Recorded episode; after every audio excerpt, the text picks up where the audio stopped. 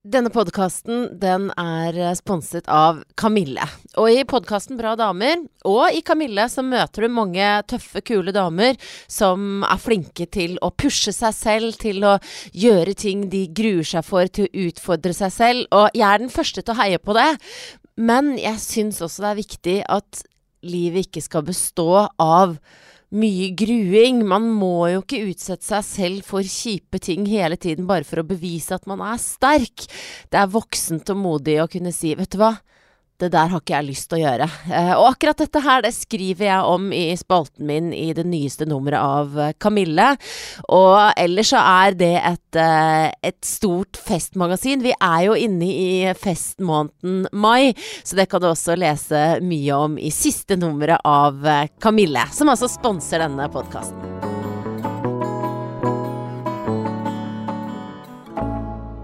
I Norges vakreste by, Bergen, skinner sola. Jeg har beveget meg inn i et litt mørkt, men samtidig veldig lyst eh, og fint lokale. Stappfullt av bra damer, og også en del bra menn. Og en ekstra bra dame ved min side, dagens gjest.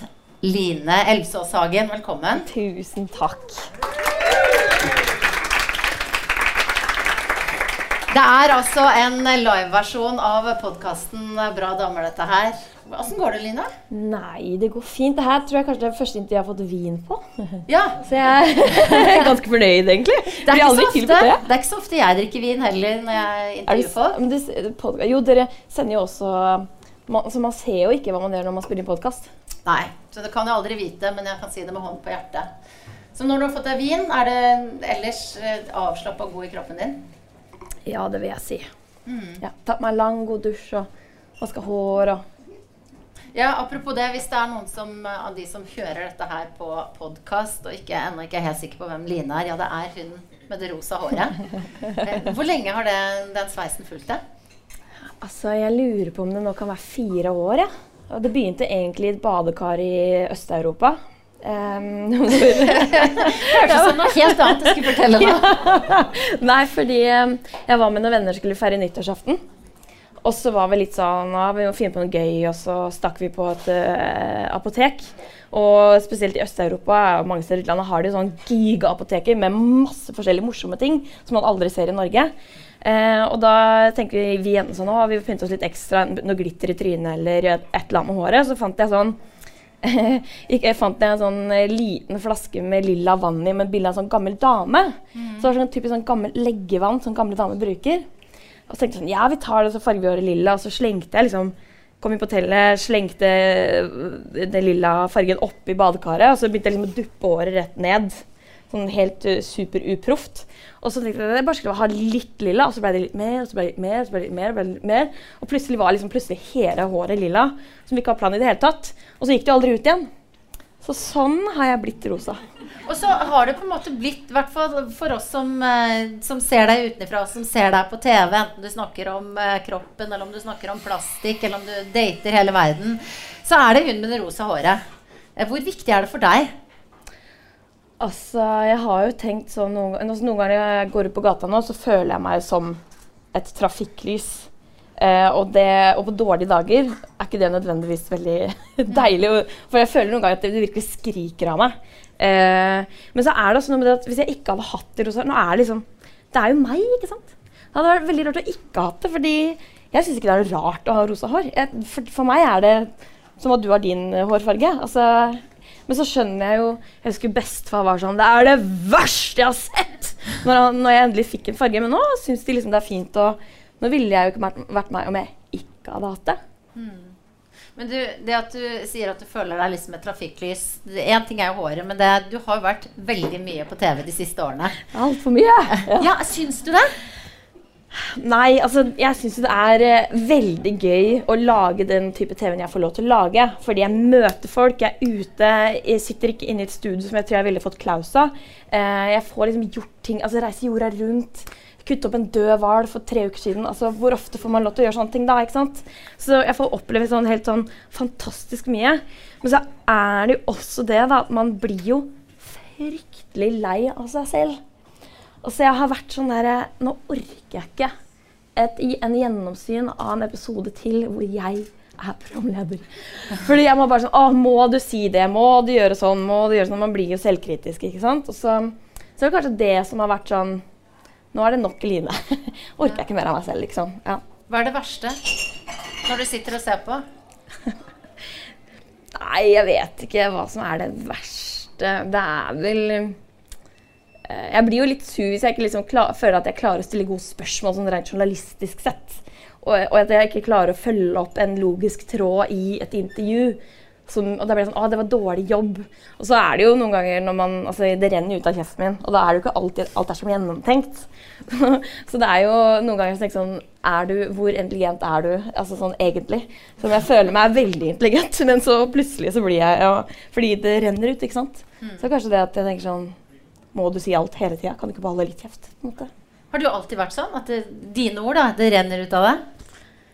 Ja, jeg tror det. Altså, det var vel noen i familien min som sa sånn Line, du lekker som ei sil. Fordi så jeg har vært ute på en lørdag, og så har jeg møtt han nylig typen, og så drar vi med hverandre hjem. Det første jeg gjør dagen etterpå, er liksom å ringe pappa sånn Hei, hei, vet du hva jeg gjorde i går? Og så forteller jeg ikke nødvendigvis at jeg våkna opp med et fyr. Men pappa får i hvert fall full rapport om hvem han fyren var, hva han jobber med, eh, hvor interessant han var, om det er noe fremtid der. Altså, jeg syns det er veldig vanskelig å jeg tror jeg alltid synes det var vanskelig å holde ting her inne. For da er det akkurat som det bygger seg opp noe som liksom bare må ut og sprenger som en sånn boble om jeg må holde det hemmelig. Mm. Um, jeg er god til å holde hemmeligheter til andre, altså, bare så det er sagt. Ja, okay, ja. Eh, så ingen må misforstå meg der. Men um, jeg tror det er nettopp det at uh, Hvis jeg føler at verden hvis vi er ærlige mot hverandre og forteller hvordan vi har det, og hvor vi står, så er det mye lettere å ha en god kommunikasjon. Og da er det mye lettere å vite å ja, ok, Guri, du har en skikkelig ræva dag.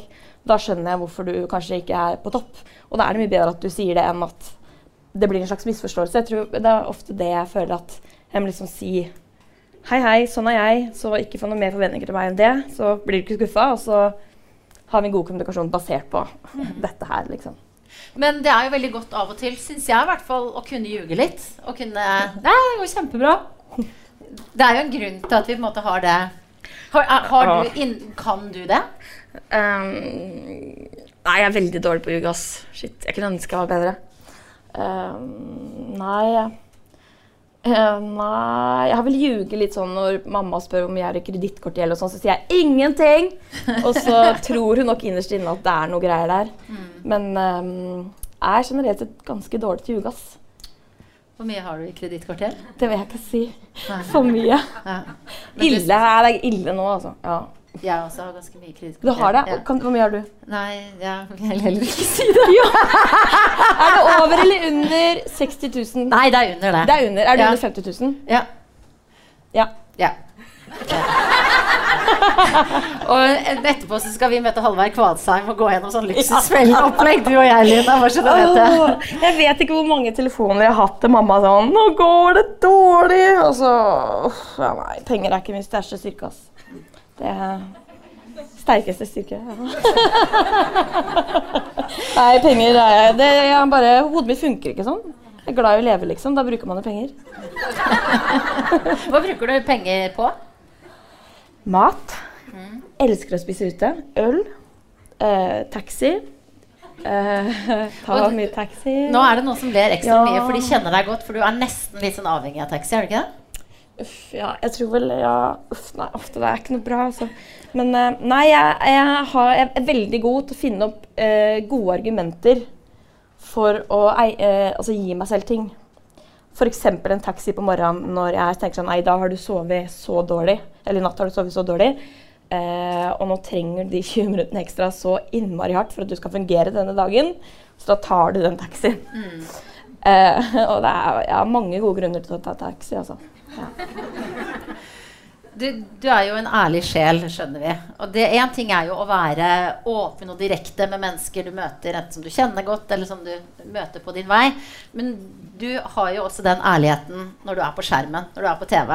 Og det gjør jo deg også veldig god. Du er nominert til to gullruter nå. Eh, og det er mye denne her helt ærlige, direkte stilen du har. Um, hva koster det deg å være så sårbar da, som du har vært i programmene dine? Nei, det er jo noen ganger man kan angre på ting man har sagt, f.eks. Eller Ja, fordi det å være så sårbar, det er jo Man kan jo føle seg svak. Man tenker sånn at, at Å nei, men nå virka jeg så klønete når jeg møtte han gutten når jeg data på den måten. Og tenk hva han gutten tenker om meg. Og jeg føler meg jo egentlig ikke alltid så sårbar. Eller. Men så, samtidig så er det jo så, så hører man folk si sånn Ja, men det å vise seg sårbar er å være sterk. Så er det sånn åh, det er jo ikke alltid det er sånn, på en måte, selv om er, jeg er jo enig i det te teorien. Men det er jo Jeg vet ikke, jeg tror jeg for min del har så innmari god erfaring med at som, som regel er man aldri aleine med å ha det vondt på en eller annen måte, eller være flau over noe, eller skamme seg over noe. Sånn at det ofte sier høyt sånn Når jeg kan si 'Å, shit, jeg skammer meg litt over at jeg har dette her på magen min', ja. dette her syns jeg egentlig ikke er så kult', og så eh, kan jeg si det foran en, en gjeng av, med ti jenter, og så rekker ni av ti jenter opp handa. Så er jeg liksom enig. Og da er man liksom ikke aleine lenger. Og da er det Så jeg føler ofte at selv om ja, deler mye på TV, ærlig Men så er det noe med jeg føler at jeg heller snakker på vegne av fler, og da er det ikke så farlig, for da står jeg Altså Hadde jeg sagt noe helt jævlig merkelig noe, som ingen kjente seg igjen i, ville vært mye verre. Men når jeg ser da innboksen min av jenter som føler at noe mer avslappet kropp, eller det er akkurat sånn jeg òg tenker, så er det sånn ja, ok, vi er bare en gjeng av folk som noen ganger har det litt dritt. Og da kan man snakke om det, og da er det ikke så farlig å dele. Selv om jeg noen ganger selvfølgelig tenker sånn Måtte du onanere på TV? Men så er det sånn Ja, det, jeg syns onani er viktig, så jeg syns det var helt riktig eh, Jeg syns vi løser det på helt riktig måte. Ja. Så da står jeg inne for det. Én million prosent. Men da, enten det da er onani eller om det er skammen over magefett, liksom, så blir det jo Selv om du føler at du har en hel gjeng i ryggen, at dere er, eller at vi er mange, um, så er jo du gallionsfiguren, da. Det krever, krever, sin kvinne. Ja, det gjør det, men så er det noe liksom derre Jeg tror bare Jeg har liksom skjønt sånn at ja, så deler man noe intimt. Og så sitter folk og ser episoden ferdig, og så skrur de av episoden, og så eh, går de og lager seg pizza eller noe annet, og så skrur de på en ny kanal og ser noe annet, så har de glemt meg. Altså, jeg tror liksom ikke at uh, selv om Hvis man gjør noe helt sånn forrykende merkelig, rart eller uh, sjukt, selvfølgelig da henger du igjen, men folk er jo også veldig opptatt av seg selv, så når jeg gjør noe som er veldig sånn bjuda på, så er det jo ikke folk at, sånn at folk går og tenker på de tre dager etterpå hva jeg sa. Eh, liker jeg å tro. Mm. I hvert fall. Um, ja. Men hvilke ting har du gjort på TV som har uh, kostet deg mest sånn Jeg vet ikke, som du har grubla mest på i ettertid sjøl? Jeg, jeg, føler at jeg Nei, jeg vet ikke hva jeg grubla mest på, da. Jeg er egentlig ganske fornøyd med de valga jeg har tatt. Men det var jo kanskje den, altså den, mest intime situasjonen jeg har vært i på TV, må jo ha vært å date folk. Mm. For da er man to sårbare sjeler som i tillegg har et kamera på seg. Og jeg jobber jo veldig hardt for å være til stede i situasjonen og for å være ekte, for det er det jeg trives best med. Og så vet du at plutselig så har du en regi, en lydmann og en kameramann som står og ser på at du er på vei til å kline med noen. Så går det liksom greit idet du glemmer det, og så plutselig er du her på typen, og så bare oh, fuck, det er folk her, ikke sant? Så det er, um, det er kanskje det mest sårbare, også fordi at det står så mye på spill, eller sto mye på spill også for noen av de gutta som valgte å være med òg, mm. i det, uh, Lindet etter Norge. Um, så det er kanskje det mest sånn sårbare, egentlig, hvor jeg føler meg mest avkledd, egentlig, da. Mm. Men samtidig så hjelper det når du altså, Herregud, hvem har ikke følt seg litt dårlig på klineløtta Nei, kline, jo. Jeg, jeg, er veldig god til å kline, så det er ikke det, er ikke det du står på. Men hvem har ikke følt seg litt ræva til å date noen ganger? Og det er, så det, at det er liksom så gjenkjennbare ting, så jeg later som at alle vi er i samme båt. Så er jeg ikke aleine der, i hvert fall. Men er det, sånn, er det sånn at du for deg selv eller sammen med produksjonen setter noen sånne grenser? At liksom OK, dit, men ikke lenger? Ja. Uh, jeg har vel blitt fortalt altså, Jeg er veldig dårlig til å sette grenser. Uh, og har vel blitt fortalt sånn uh, av andre og til meg selv sånn Line, nå må du sette grenser. Så jeg prøver å liksom, tegne opp sånn innafor, utafor. Dette gjør jeg, dette gjør jeg ikke. og så det, er det som regel veldig lite som havner på den lista som jeg ikke vil gjøre. Men så er det jo noen ting som jeg ikke er interessert i å snakke om, som, som jeg helt bevisst unngår. Og så er det jo sånn som De redaksjonene jeg jobber med, er, de kjenner meg veldig godt. sånn at det er ikke noe problem for meg å si åh, det havna litt feil, det var ikke akkurat det jeg mente å si i den situasjonen. Kan vi klippe det vekk? Eller det var ikke helt sånn det føltes. Altså, jeg er veldig trygg på at jeg blir fremstilt som jeg føler at jeg er. Mm. Og da er det mye lettere å være sårbar, f.eks. Og, og så tar vi alltid sånn prat eh, før vi går i gang med produksjon. Hva, hva, vil du dele, hva vil du ikke dele? Sånn at det er kontrollert, tro det eller ei. Men eh, altså, nå skal jeg ikke liksom dvele for mye med det. Altså, jeg er bare veldig nysgjerrig. Siden vi er på mediedagene, så kan vi liksom programledernerde litt. For jeg tenker mm. um, Det er nok både det at jeg har jobba med andre programmer enn deg, og at jeg er ganske mye eldre enn deg. Men jeg har jo veldig en sånn rolle. Selv om der også er det jo et mål å være litt sånn som deg. ikke sant? Vise sårbarhet og være et menneske. Men det er jo ganske, det er liksom noe jeg kan skru litt mer av og på. I hvor stor grad savner du det i din jobb? Å skru av på? Eller? Ja, At du kan liksom gå inn og være programleder, Line. og så kan du være hun andre litt mer som er Ja, men tingen er at jeg føler meg for litt sånn fanga. Som jeg liksom skal plutselig stå med ark sånn her og si hva jeg skal Altså åh, jeg, vet, jeg vet ikke. Jeg, jeg, liker liksom å bruke kroppen og være ute og Det som skjer, det skjer, og det er spennende når det står noe på spill, når det er litt nerve. Um, jeg liker det, så tanken å gå inn i en sånn rolle det, det, tror jeg hadde, jeg hadde syntes vært kjempevanskelig. fordi da hadde jeg ikke nødvendigvis følt som meg selv. Og da hadde det vært da, Ja, eh, det er, vel, det er folk som har spurt meg om jeg vil gjøre ting, så sier jeg kan jeg være meg, så kan jeg gjøre det. Men hvis ikke jeg kan være meg, så klarer jeg det ikke. Fordi det klarer ikke å ikke være meg. Så, det, mm. ja, så den rollen eh, Nei, den du driver med, er ikke jeg noe god på. Men det, og det kjenner du liksom på en magefølelse, eller hva, hvor kan jeg være meg? Ja, altså jeg er jo jeg er jo også glad i å skrive, sånn så jeg har jo gått tekstforfatter på Westerdal. Som f.eks. bare det å få et manus i hendene som ikke er mine ord. Det er sånn Hell no! Det hadde aldri gått, f.eks. Mm. Så må, alt må på en måte eies av meg. Eh, det må være mine ord, det må være mitt språk, det må være min magefølelse, det må være mitt fokus. Det må være noe som føles ekte, da. Ellers så syns jeg det er veldig vanskelig å gjøre det. Jeg har jo vært på noen opptak hvor jeg har gått inn i scenen og tenkt ja, men dette her ligger ikke helt i min mage fordi dette er ikke helt sant, eller ja. Og da syns jeg det er kjempevanskelig, og jeg syns også man ser det i etterkant at her var du ikke helt ekte. Her tok du på deg en rolle du egentlig ikke kan stå inne for, eller som, som var deg. Um, og så er jo TV på en måte alltid fake fordi TV er TV på en måte. Men jeg syns det er veldig vanskelig å se, se Altså jeg ser veldig godt når jeg ikke mener det jeg sier, eller Ja, eller når jeg sier ting om, ja, som ikke er meg, så jeg ser det veldig godt, og jeg tror også at folk ville sett det. da. Hvilke situasjoner har du opplevd det? Det er veldig sjelden. Derfor er jeg ganske nøye på det. Jeg kan, jeg kan ikke huske konkret, men det er, det er kanskje sånn to-tre ganger i løpet av de fire produksjonene jeg har hatt. Men, jeg sånn, men dette mener jeg jo egentlig ikke. Jeg vet ikke hvorfor jeg sa det. Jeg bare følte det passa. Mm. Og så mener jeg jo det ikke, så det må vekk, fordi det stemmer jo ikke. Uh, for det er veldig ekkelt, syns jeg, da, å har gjort noe og se seg selv på TV og si å ja, men dette, er ikke, dette er jo ikke meg, dette er jo ikke det. Dette er jo ikke det jeg egentlig mener. Eller det er jo ikke det jeg egentlig følte. Eller det var jo ikke det jeg egentlig ville si. Uh, så det er jeg ganske nøye på. Mm. Det er til, litt irriterende for redaksjonene, men Du sa det at uh, du får masse mail. Innboksen er ofte full av jenter som kjenner seg igjen i, i ting du har si, stått fram med da, i dine programmer. Uh, det er helt sikkert mange her også som er her fordi de virkelig digger deg.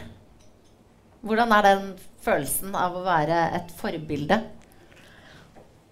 Mm, jeg vet ikke, jeg syns det er ganske det er veldig hyggelig, da. Fordi det er veldig sånn takknemlig sted å være, tror jeg. Fordi jeg husker pappa før jeg gjorde den første TV-serien med Linjorda rundt. Så husker jeg var på joggetur med pappa, og da hadde jeg fått tilbud om å få, få den jobben.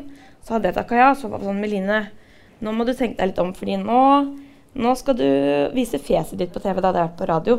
Sånn, er du liksom klar for det? Vil du at folk skal kjenne deg igjen, og vil du at folk skal vite hvem du er? Så var jeg sånn Nei, jeg veit ikke, vet ikke helt hvordan det kommer til å føles. Og blir sikkert skummelt og rart og sånn. Og så hører man liksom skrekkhistorier om folk som får sånn ti drapstrusler om dagen og blir kalt det verste overalt og sånn. Men så tror jeg bare at det å ha rosa hår og være blid tilsynelatende hele tida Jeg er jo bare blid og hyggelig, jeg. Ikke noe annet. Um, så, ikke, så vil ikke folk være rasshøl mot deg, da. Da slipper du unna med mye.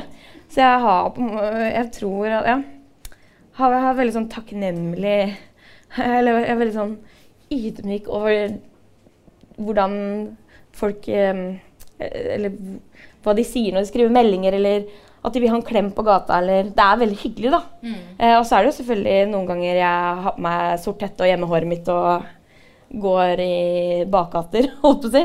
Men eh, det er Ja, folk er veldig hyggelige, og da går det greit. Den makten som kommer med det, da? For du har jo en påvirkningskraft. Gjør- Hva gjør den med deg? Hva Jeg burde brukt mye mer. Jeg burde brukt mye mer. Ja, vil, hva vil Nei, jeg vet på? ikke. Nei, herregud, hva skal jeg bruke den til, da? Nei, jeg vet ikke. Nei. Kjenner du på et ansvar? Ja Jo Jo. Ja. Ja. Jeg gjør vel det, på en måte, men jeg føler at det jeg sier og det jeg mener, er ting jeg kan stå 100 inne for, så da tåler jeg også hvis noen er uenig, på en måte. Så jeg, så, men jeg mener jo at man har jo et kjempeansvar bare ved å ha en profil med følgere på Instagram, liksom. Så spesielt alt det her med blogging og annonsering og Botox og gud hjelpe meg, ikke sant.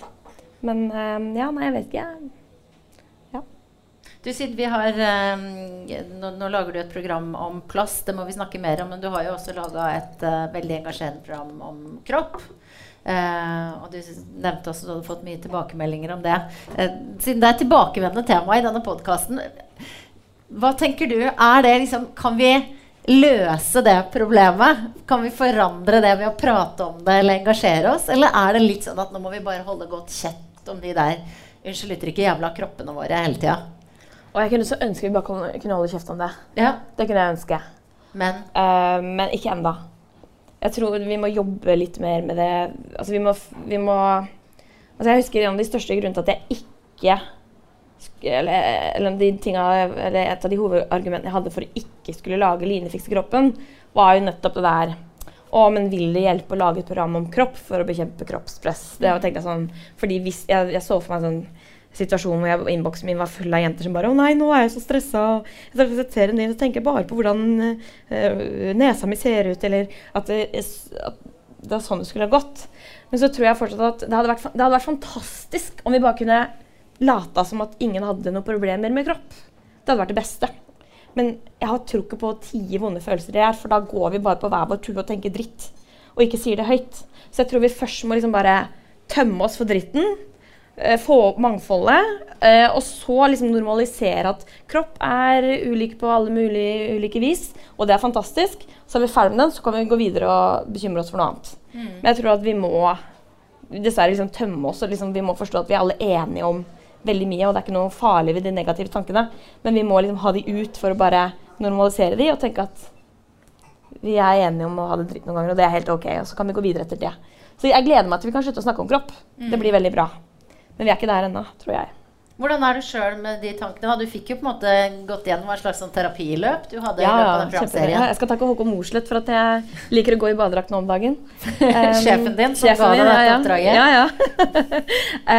um, nei, øh, hva var spørsmålet ditt? Nå falt jeg ut. Nei, litt om, om, om det hjalp for deg? Ja, om det hjalp, ja. stemmer på slutten når du sa Ja. ja. nå driter jeg i det, og jeg er glad i kroppen min. Ja, altså Jeg kommer aldri til å drite fullstendig i det. Det er Nei. sånn utopisk ting. Det kommer ikke til å skje, fordi jeg tror vi i resten av vårt liv alltid kommer til å føle oss dårlig på et et eller annet vis. Men øh, ja, vet du hva? Jeg, jeg tror det som har skjedd, er at det er ikke så farlig lenger, liksom. Det er litt sånn derre Ja, så er det litt sånn, da, men så har du det som er positivt, og så er det noen andre som ikke har det, og så Ja. Som gjort meg på sånn regnestykke om at det går, det går greit det her, egentlig. Og så er det et eller annet rart som har skjedd med synet mitt. At jeg vet ikke hvordan det har skjedd, men når jeg ser meg selv i speilet, nå, så ser jeg liksom Å, herregud, for et fantastisk fjes du har. ikke sant? Så ser jeg så søt ut, tenker jeg noen ganger. Og det, det istedenfor å tenke sånn Å nei, den magen, og uff a meg, og øh. Så liksom, så har jeg på en måte flytta fokus, tror jeg. Eh, og skjønt, ikke minst, at når jeg bare I Fiksekroppen så var det noen scener hvor jeg bare kledde av sånn åtte-ti damer og bare så på kroppen deres. Ja. Og så bare Å, herregud, alle disse kroppene er ulike. Og jeg er bare en kropp i den rekka her. Det her kunne like jeg kunne bare stelt meg ved sida av de, så var jeg bare én i rekka. Så når jeg liksom skjønte det, å ja, jeg er bare en av veldig mange, så er jeg sånn, ja vel. Da er det jo ikke noe stress, da. Så da, ja. Så når du står der med én pupp i den ene og, og gøy, da! ja, ja, hvordan var den Å, opplevelsen? herregud. Og Jeg. Såpass prippen er jeg. At det Er, er det sant? Ja, ja. ja, ja, er du sikker? ja, det, er- ja, ellers jeg, Nei, det, jeg skulle ønske jeg var litt mindre prippen. Hva Jeg- du er så farlig med en pupp, da? Nei, jeg, jeg kan ikke, det er ikke noe jeg syns er farlig med det. Men hvis jeg skulle vært på opptak der med masse nakne menn eller kvinner, så vet jeg at jeg ville vært eh, i overkant fniste til hva som sømmer seg for en dame på over 40. Ja, altså Vi har jo klippa vekk noe fnising. Det er jo ikke det. Men, uh, Men du er raus med Det er hånd der, og det er liksom Du ser cool ut, men da. hvor ofte får du løfte på en litt hengepupp eller et- trykke på en silikonpupp? ikke sant? Det skjer jo bare en gang i livet. Eller gjør det egentlig det? Jeg trenger egentlig ikke gjøre det. Men tenker man, så gjør jo bare jeg sjæl det. Jeg trenger jo ikke det. Nei. Ehm, nei, men ikke sant, jeg vet ikke. Men så liksom, altså Begge foreldrene mine Faren min er lege og mamma er fysioterapeut. Så de har veldig sånn avslappet forhold til kropp. Og kropp er kropp, og pupp er pupp. Og, ikke sant? Det er veldig sånn øh. Så jeg, jeg har, tror jeg også har litt den innstillinga til i hvert fall andres kropp. At ja, men ja, her er det en pupp som ser sånn ut, og her er det en mage som ser sånn ut. Og, og så liker jeg å ta på folk, da. Jeg er veldig glad i det. Alltid likte jeg veldig godt. Sånn, ikke sant? Jeg får lyst til å stryke på deg Ja, sånn her. At du, jeg, liker liksom å være fysisk med folk. Ja. Så da tror jeg altså den grensa for meg å liksom stikke huet inn i en vagina ikke var så rar. Selv som, som det jo var når vi satt i redaksjonslokalet og tenkte hva er det vi skal nå? Jo, vi skal nistirre inn i tissene til jenter. Men så er det liksom ja, så er det bare en ny tiss, da. Og så er det en ny tiss der. Og så, ja, jeg vet ikke. Det er liksom en kropp, da. Ikke sant? Alle har jo en kropp. Bare skjer så sjeldent. Og det er kanskje det som er eh, sånn på vegne av eh, mine og andres døtre. Altså det der med eksponering. Gå i dusjen på et offentlig bad, bare vis fram noen vanlige kropper. Kadra Yusuf har fortalt i podkasten at hun går naken en gang i uka hjemme. For å vise hvordan en normal kropp ser ut. Litt flaut for tenåringsdatteren hennes, men veldig bra. Jeg tror det er kjempesmart, Ja. Og sånn Altså, jeg, jeg har Altså, øh, altså Nå har ikke mamma og pappa sprada rundt eh, nakne kjempemye var liten, men jeg det var jo ikke noe problem å se de nakne, og mamma var jo veldig sånn Jeg husker eh, faen meg, gud, nå vi, Når jeg gikk på ungdomsskolen, så satt nabogutten ofte med oss på vei til skolen. Og mamma og jeg er alltid sånn, så vi hadde alltid dårlig tid om morgenen, og det var alltid stress og sånn. Og så eh, Mamma driter jo litt i kropp, så hun liksom, nabogutten sto i gangen og venta sånn her. Så lå soverommet til mamma der, og så lå badet på den andre sida. Og mamma liksom bare spaserer ut naken fra soverom til bad. Bare 'Hei, hei, Sondre!' Og jeg bare 'Mamma!' Og holdt på å dø inni meg. ikke sant? Og Sondre var helt stille på vei til skolen. ikke sant? Og jeg bare 'Å, fy faen'. Dette må aldri skje. Så etter det kom han aldri inn, inn i gangen mer, da, sånn på utsida. Men um, det er liksom den der Ja, jeg vet ikke, jeg. altså Mamma og pappa de driter i hvordan de ser ut, liksom. Jeg har liksom vokst opp med at ja, men herregud, spis deg mett og drit i om du altså, Ja. Så jeg tror det er liksom den ufarliggjøringa av kropp som Og så kommer jeg fra landet, ikke sant. Ting er ikke så nøye der. Så da er det liksom Ja, jeg tror det er litt uh, det, der det ligger. Har du nært forhold til foreldrene dine? Ja. ja. Veldig. Pappaen din og mammaen din, begge to? Begge. Mm. Det er pappaen din du ringer når du har hatt med deg en fyr hjem. Merket jeg meg. Ja. Så jeg ringer mamma òg, jeg. Så de får vite Først alltid. den ene, så den andre. Ja da. Nei da, altså Jo, de får ganske mye oppdateringer på, det meste, egentlig. Um, nei, jeg vet ikke. Jeg, jeg, jeg tror vel det var pappa som sa til meg, eller jeg husker ikke om det var mamma Det var noen som sa noe sånn Jeg husker jeg stressa noe voldsomt over noen karakterer på videregående og sånn, så var liksom pappa sånn Ja, men Line, det viktigste er jo liksom at du har gode venner, og at vi har det hyggelig sammen og sånn. Drit i den femmeren, liksom.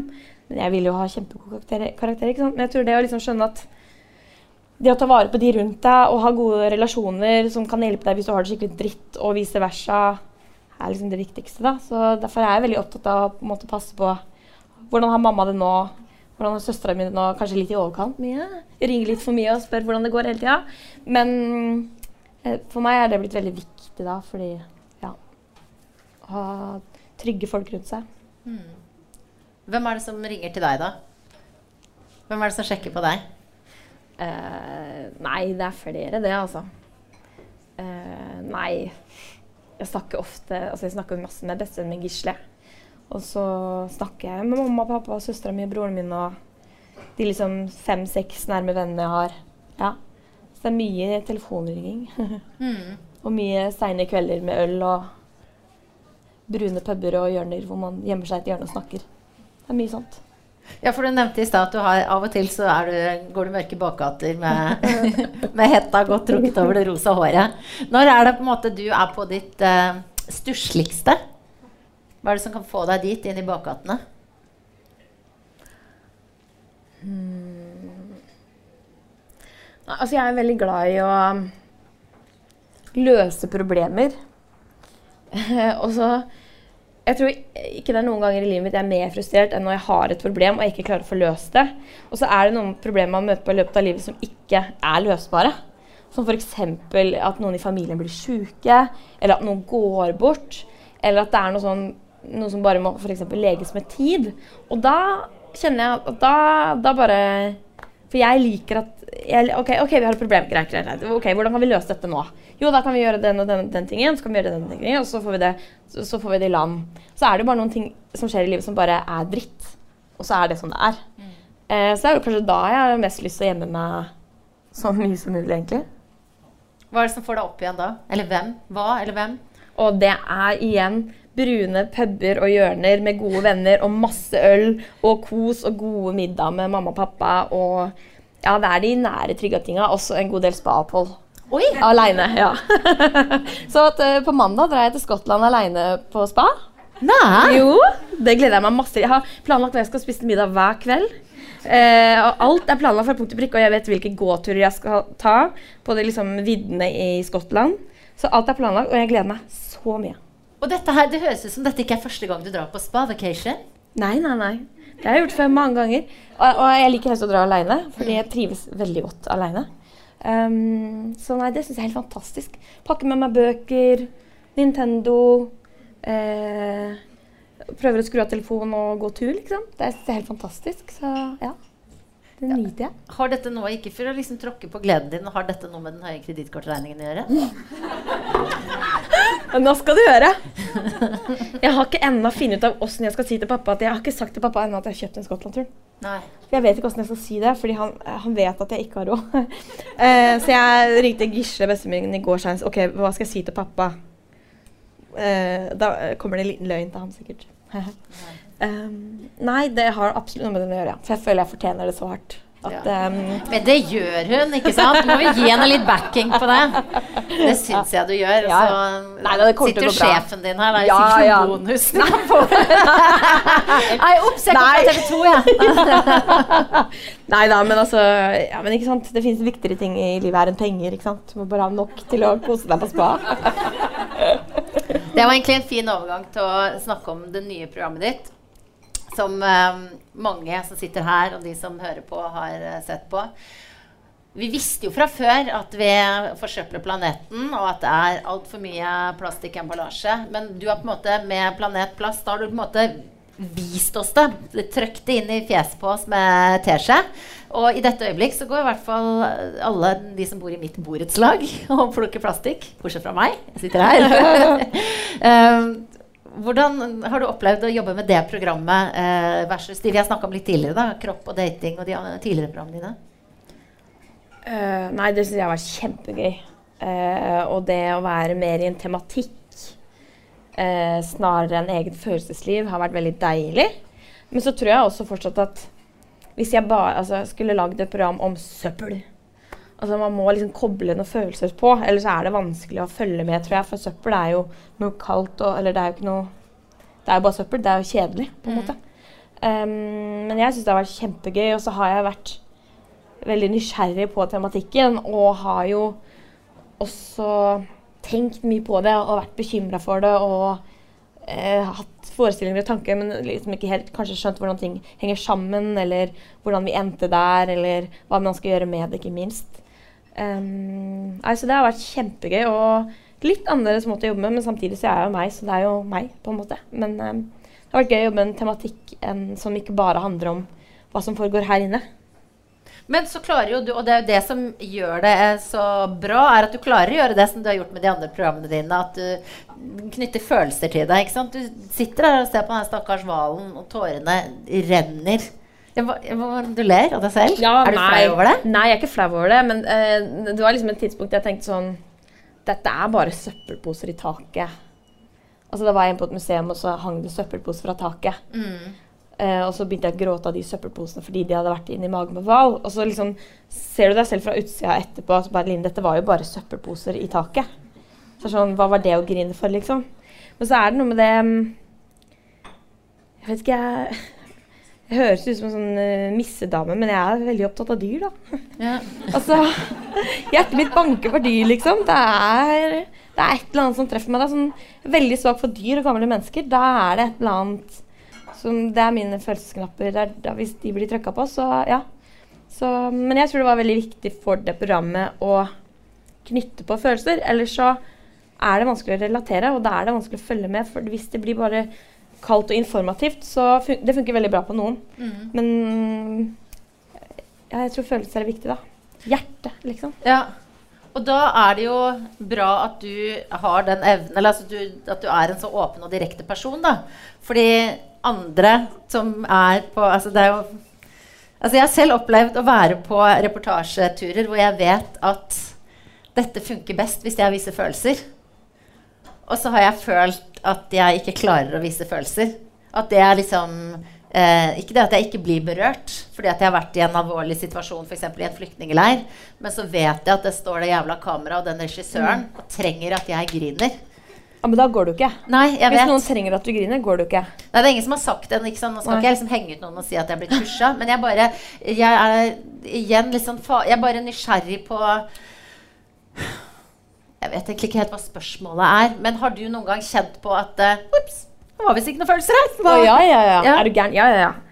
Uh, det, altså, I den scenen i første episode av Planet Plast, hvor vi er på det museet som ligger her i Bergen, som er da utstilling av Plasthvalen, Mm. så, ja, hvor de plastposene henger fra taket, så sa jo jeg sånn Ja, men herregud, det er bare et rom med plastposer. Det er ikke sikkert jeg kommer til å føle noen ting. Jeg kan ikke love dere at det skjer noe.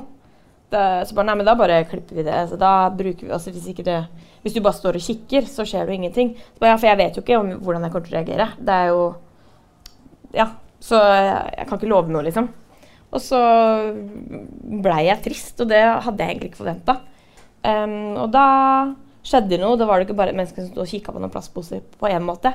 Men uh, det hadde vært veldig vanskelig Altså, jeg, jeg tror Litt tilbake igjen til det der, det der må være ekte og ikke være ekte. og sånn. Så det, Hvis jeg hadde visst at jeg hadde hatt en regi som bare Line, vi trenger grining. Kom igjen her nå.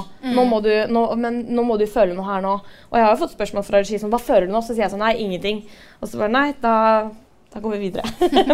Ta en Eh, middag. Da tar vi middag. Ja, nei, liksom, fordi er det ikke der, så er det ikke der. Og det Jeg er ikke noen skuespiller, så jeg skjønner Ja, kan ikke trylle. Men det at du eh, klarer å grine over plastikkposer og viser et sånn engasjement som Nå hørtes det ut som jeg gjorde narr av deg. Nei, Det mener jeg ikke. Jeg mener, Jeg jeg har gjort mener å mye narr av meg selv i klippen. Så, Ja, okay. Ja, men i hvert fall det, det skaper også et engasjement hos de som ser på. Da. Um, hva er det du håper eh, skal skje nå? Hva er det du håper å få til med dette programmet? Nei, altså jeg syns jo um, Altså noe av det Det som hadde vært best, er jo bare det at folk tenker seg om én ekstra gang. Og jeg syns ordet bevisstgjøring er ufattelig kjedelig, for hva betyr i all verden å være bevisst noe? Men det å bare Sånn som jeg merker det som har skjedd med meg, er sånn Jeg er på butikken, blir spurt om plastpose, så tenker jeg meg om sånn én ekstra gang før jeg sier ja. Jeg tar liksom runda Har du plass i sekken? Kan du bære det i armene? Kan du ikke bære det i armene? Ok, du kan ikke bære det i armene, da får du ta en plastpose. Eller sånn Oi, shit, jeg kan faktisk ta det og bære det i armene. Da tar jeg ikke plastpose. Så hvis man klarer Står og resonnerer lenge. ja, ja, absolutt. Nei, men det går veldig fort. Ja. Eh, men det er liksom, hvis man klarer å få den ekstra tankerekka sånn når det kommer til f.eks. eget plastbruk, tror jeg det er veldig bra. Og så eh, Sånn som nå, så er det, da er det jo hele Norge rydder. Altså, det er mange som møter rydder, da. Og, hvis, og det er spesielt mange barn. Og hvis man får barna til å mase på foreldrene om nei, mamma, vi må begynne å resirkulere hjemme. Altså Hvis man klarer å liksom få kids til å mase litt, og sånn, så tror jeg det kan legge inn noen vaner som kan vare. da, For trikset er jo Nå er det på en måte en bølge, men trikset er jo å få det til å vare over lengre tid. Og det håper jeg man får til, men det, det vet man jo ikke. Nå har det vært mye trøkk på i mediene på plass, så det er veldig bra. Men så får vi se om det liksom dør ut eller ikke. Men ja, det å få det liksom printa inn i huet ens Jeg tror ikke man kan slutte å mase nok om det her, på en måte. Eh, fordi man glemmer så godt at man er tilbake til gamle vaner og glemmer det handlenettet på butikken, liksom. Ja, Bra du maser. Ja. Så må bare huske å mase på meg sjøl òg, men ja. Ja, har du eh, altså, Nå er du jo eh, litt sånn poster girl da, for uh, miljøbevissthet. Føler du at folk følger med på deg? Må du, du må skjerpe deg litt ekstra? Altså, jeg var på T-banen her om dagen, uh, og så sto jeg med sånn uh, engangskopp. Og så kommer det sånn fem-tolv år gamle jenter som bare 'Line, hvor er gjenbrukskoppen din?' Og jeg bare Åh! Og så ble jeg så flau og liksom skikkelig busta. Og når jeg gikk på NRK her om dagen og jaså, ser du bruker plastpose. Så mm, jo da, jeg blir busta, jeg. Altså, men ingen er jo perfekte, ikke sant. Men det å liksom gjøre litt mer enn hva man pleier, tror jeg må være trikset. For ingen kan legge om livsstilen sin og bli plastfri og hele kjøret der. Sånn, sånn funker ikke hverdagen til oss nordmenn. Så det å bare gjøre litt tror jeg er viktig, da. Men så man bare gjør så godt man kan. Du skal rett herfra også på NRK og snakke opp nettopp eh, Hele Norge rydder. Og så eh, I dag er det torsdag, så om to dager så eh, kan det hende at du vinner to Gullruten-priser. Nominert både som programleder og for nyskapning. Hva, hvordan trives du i en sånn setting da? Er det hurra meg rundt og rød løper og full pakke? For meg? Uh, Nei, bestevennen min Gisle syns jeg er så kjedelig på sånne ting, for jeg um, Jeg har det liksom helt ok hyggelig, men jeg, det gir meg liksom ikke så veldig mye. Eller Jeg vet ikke, jeg synes det er liksom stre- altså, Gå på rød løper, da, så spør folk hvor har du kjøpt kjolen din. Så er det sånn men, Å, kan du ikke spørre om noe annet, da? I fjor så sa jeg sånn Har du noe annet å spørre om, eller har du bare det å spørre om?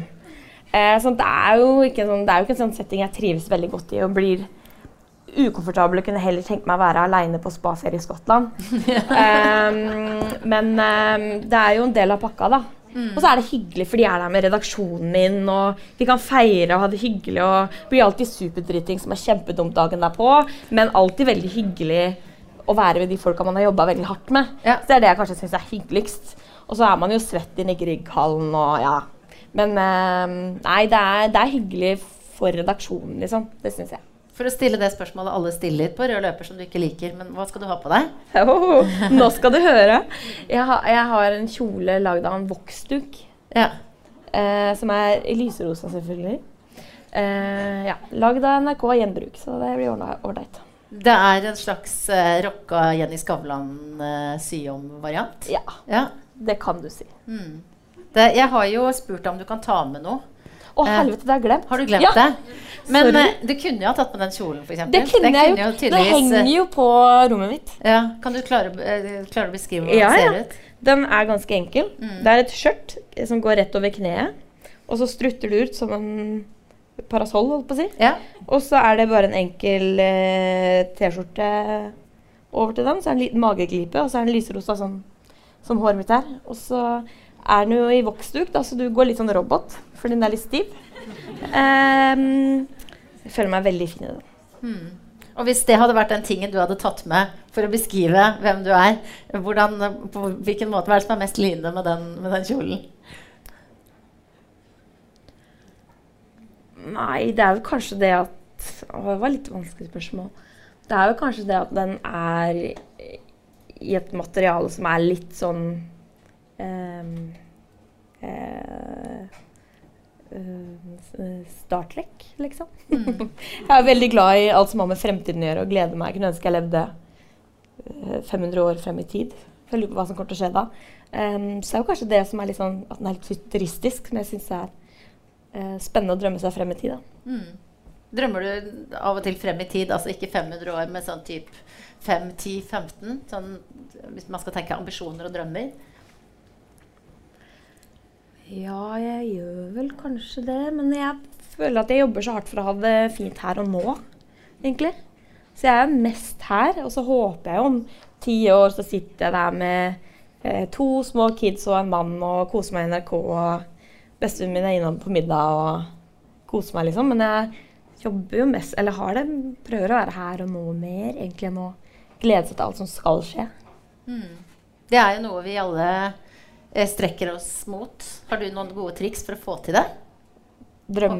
Å være her og nå. Å ja, nei, å, nei, det, nei. Nå ble dette nesten sånn der eh, sånn Selvhjelps- Ja, det er sånn selvhjelpspod. Eh, Det er sånn som de gjør på The Scottish Highlands når de er på spaferie.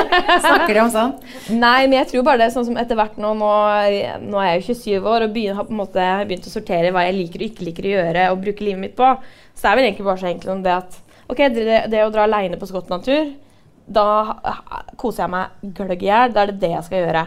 Og det å sitte og ta tre øl med en av mine gode venner i går kveld klokka ti, det liker jeg å gjøre. Da er det det jeg bruker tid på. Ja. Så liksom sortere ok, hva gjør meg, hva, no, I hvilke situasjoner har jeg det best? Jo, når jeg er ved det mennesket og det mennesket, eller i Skottland, eller spiller Nintendo, eller gjør noe det. Og så bruke tid på det, og så skrelle vekk alt annet. Ikke noe smartere enn det. Nei, men det var fint.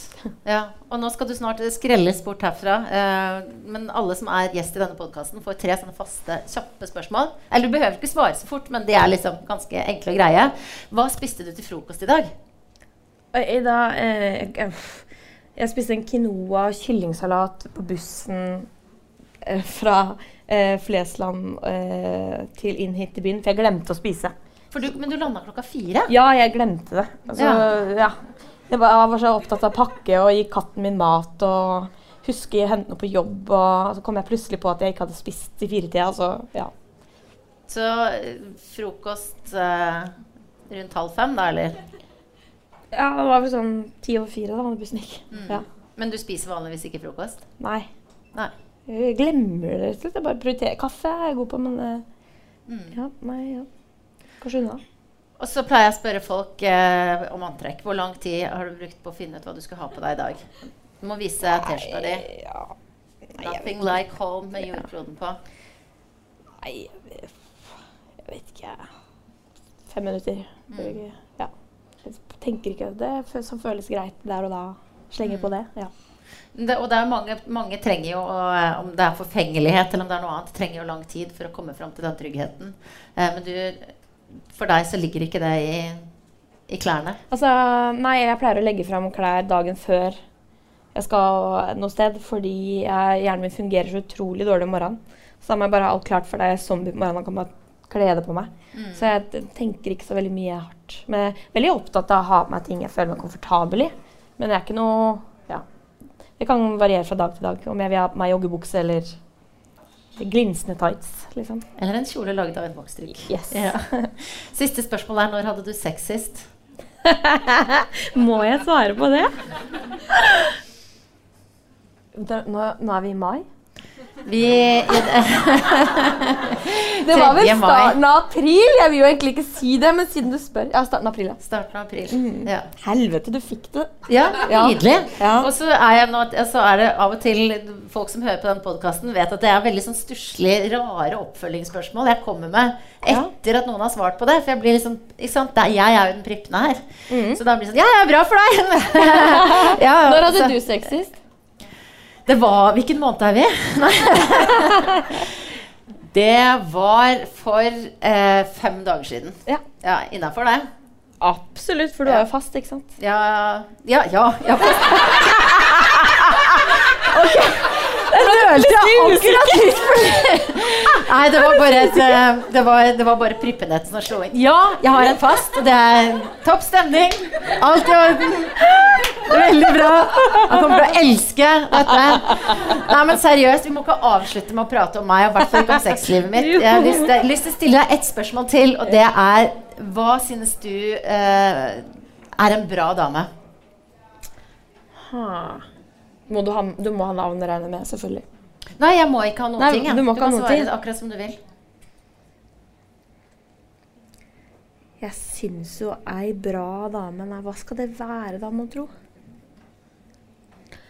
Jeg syns jo ei bra dame ei det er litt tak i, liksom. Og som Uff, nei, det blir kjedelig svar som er liksom eh, snill. uh, ja, nei, jeg vet ikke, jeg. Jeg er sånn som Nei Ei som tør å liksom snakke høyt og ikke er redd for Redd? Men, eller det må være lov å være redd, men ja, Det var et vanskelig spørsmål. Som tør å ta sin plass, det vil jeg si. Det tør du. Prøve hver dag, i hvert fall. Det er jeg så takknemlig for at du gjør. Det er dødsbra. Tusen takk for at du kom. Dette har vært eh, Bra damer, og dette her er Line Elsås Hagen. Lykke til på Gullruten, da. Takk. Du kommer til å vinne, vet du.